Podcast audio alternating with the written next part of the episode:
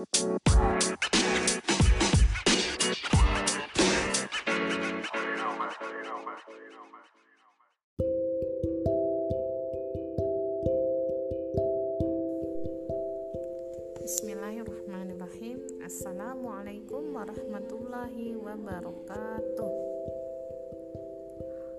Alhamdulillahirrabbilalamin. Assalatu wassalamu ala asrafil anbiya'i wal mursalin Wa ala alihi wa sahbihi ajmain.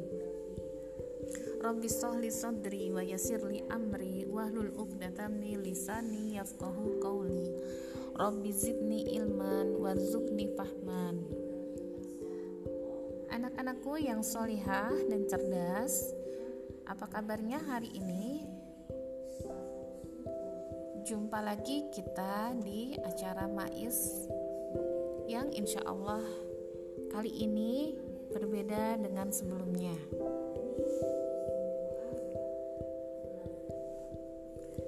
Kali ini Ibu akan menyampaikan materi Mais melalui via udara Mohon maaf ya, Ibu tidak menyelenggarakan Zoom ya sebagaimana seperti biasa karena hari ini ada kegiatan yang tidak bisa ditunda yaitu kegiatan sekolah ya pembuatan soal ujian akhir tahun ajaran ya tanpa mengurangi rasa semangat kita ya untuk talabul ilmi maka mari kita sama-sama memulai dengan basmalah. Bismillahirrahmanirrahim. Anak-anakku sekalian, kali ini ibu akan mengisahkan tentang seorang sahabat sahabat Rasulullah SAW Abdullah bin Huzzafah as as as sahmi ya dia adalah dia adalah sahabat Nabi yang bertemu dengan dua penguasa dunia di zamannya, yaitu Raja Persia dan Raja Romawi. Alkisah, pada tahun ke-6 Hijriah, Raja Persia kedatangan utusan Rasul bernama Abdullah bin Hufazah ini untuk menyampaikan surat Rasulullah kepada Raja Najam tersebut dan mengajak mereka masuk Islam. Sebelumnya, Rasulullah memilih enam orang sahabat untuk mengemban misi menyampaikan surat-surat beliau kepada raja-raja. Di antara keenam tersebut adalah ada seorang bernama Abdullah bin Huzafah.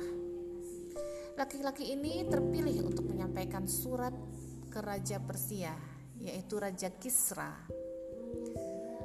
Saat itu Kisra meminta agar istananya dihias dan dia mengundang para pembesar negara untuk hadir. Kemudian Abdullah diizinkan masuk menemui pemimpin negeri Persia dan memberikan surat kepada sang raja. Kemudian Raja Kisra memanggil seseorang yaitu sekretarisnya untuk memerintahkan membuka dan membacakan isi surat tersebut.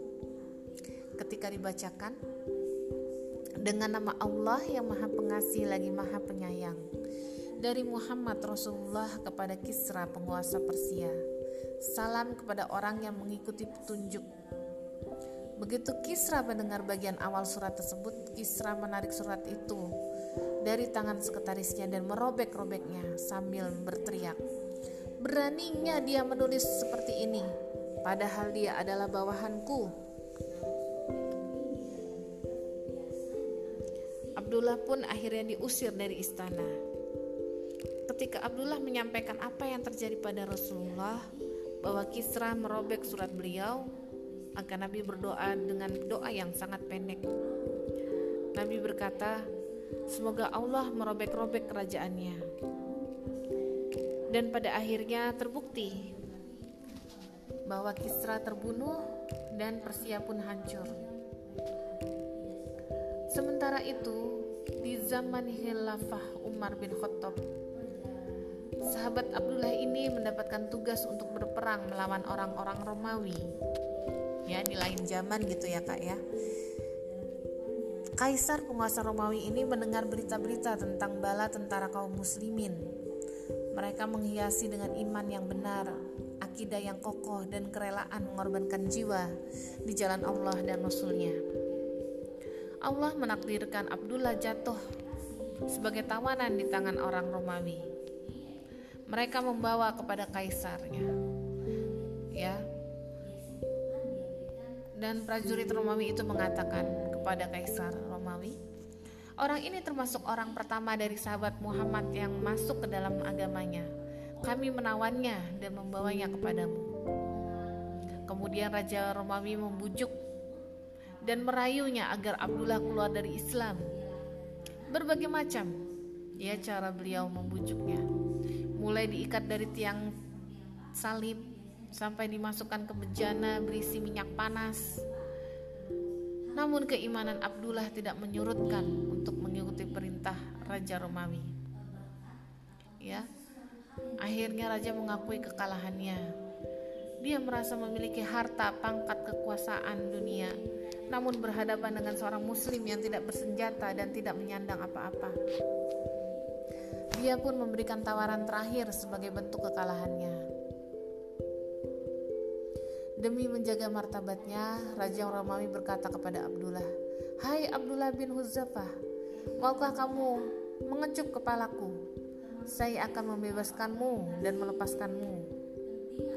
Mendengar hal tersebut, sahabat Abdullah ini menjawab, Baiklah, dengan syarat engkau harus melepaskan semua tawanan kaum muslimin yang berada di dalam penjara kalian. 300 tawanan pun yang telah dipenjarakan akhirnya dibebaskan. Sepulang dari kerajaan tersebut, cerita ini sampai ke telinga Umar. Dia menghampiri Abdullah dan mengecup kepalanya. Harusnya semua umat Islam mencium kepala Abdullah. Dan sekarang aku orang pertama yang mencium kepala Abdullah, kata Umar sambil mencium kepala Abdullah. Perilaku ini kemudian berikutnya diikuti oleh sahabat lainnya. Masya Allah. Ya.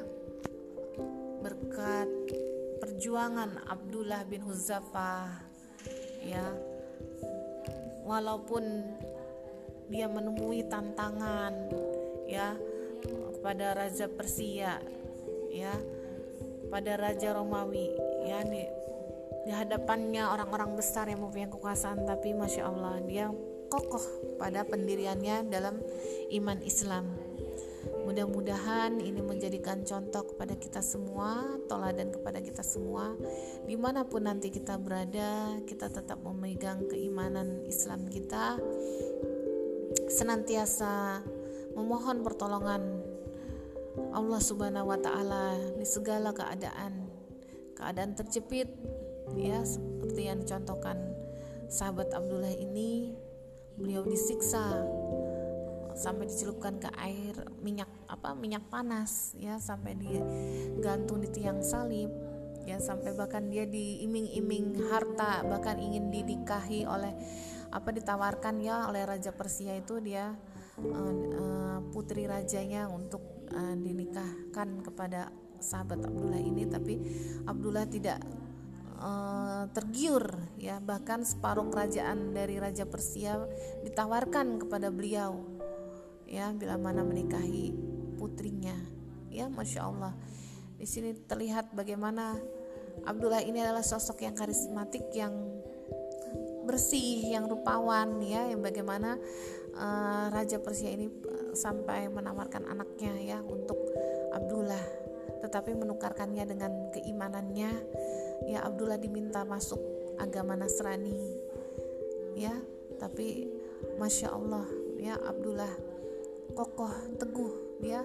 Berhati sabat berhati kokoh ya dalam iman Islam. Begitu pula anak-anakku sekalian kita di zaman yang sekarang serba banyak godaan serba banyak tantangan ya iman Islam kita dipertaruhkan maka kita seyogyanya terus menggali dan memupuk iman Islam kita agar senantiasa terjaga agar senantiasa kokoh. Ya kita memohon kepada Allah Subhanahu wa taala. Ya muqallibal qulub qadid samat ala mahabbatik wal taqat ala taatik wa tawahadat ala da'watik wa tahadat ala nasra asyariatik wasikillahumma rabbitataha wa adimuddaha wa niha subulaha binurika la yakhbu wasrah suduraha bi faidil iman bik wa jamil tawakkuli alaik wa ahliha bi ma'rifatik wa amitha ala syahadati fi sabilik. Innaka ni'mal maula wa ni'mal nasir. Allahumma amin. Wa sallallahu alaihi wasallam Muhammad. Ya begitu ya doa-doa yang kita panjatkan. Zikir al-masurat yang di akhirnya di akhir doa al-masurat adalah kita mohonkan keimanan yang kokoh, keimanan yang kuat. Ya anak-anakku sekalian, mari kita terus lapaskan, resapi dalam hati, dalam pikiran kita, yang bermohon kepada Allah agar senantiasa diberikan keimanan yang kokoh pada iman Islam, agar kita menjadi orang-orang yang beruntung dan masuk ke dalam golongan umat Nabi Muhammad SAW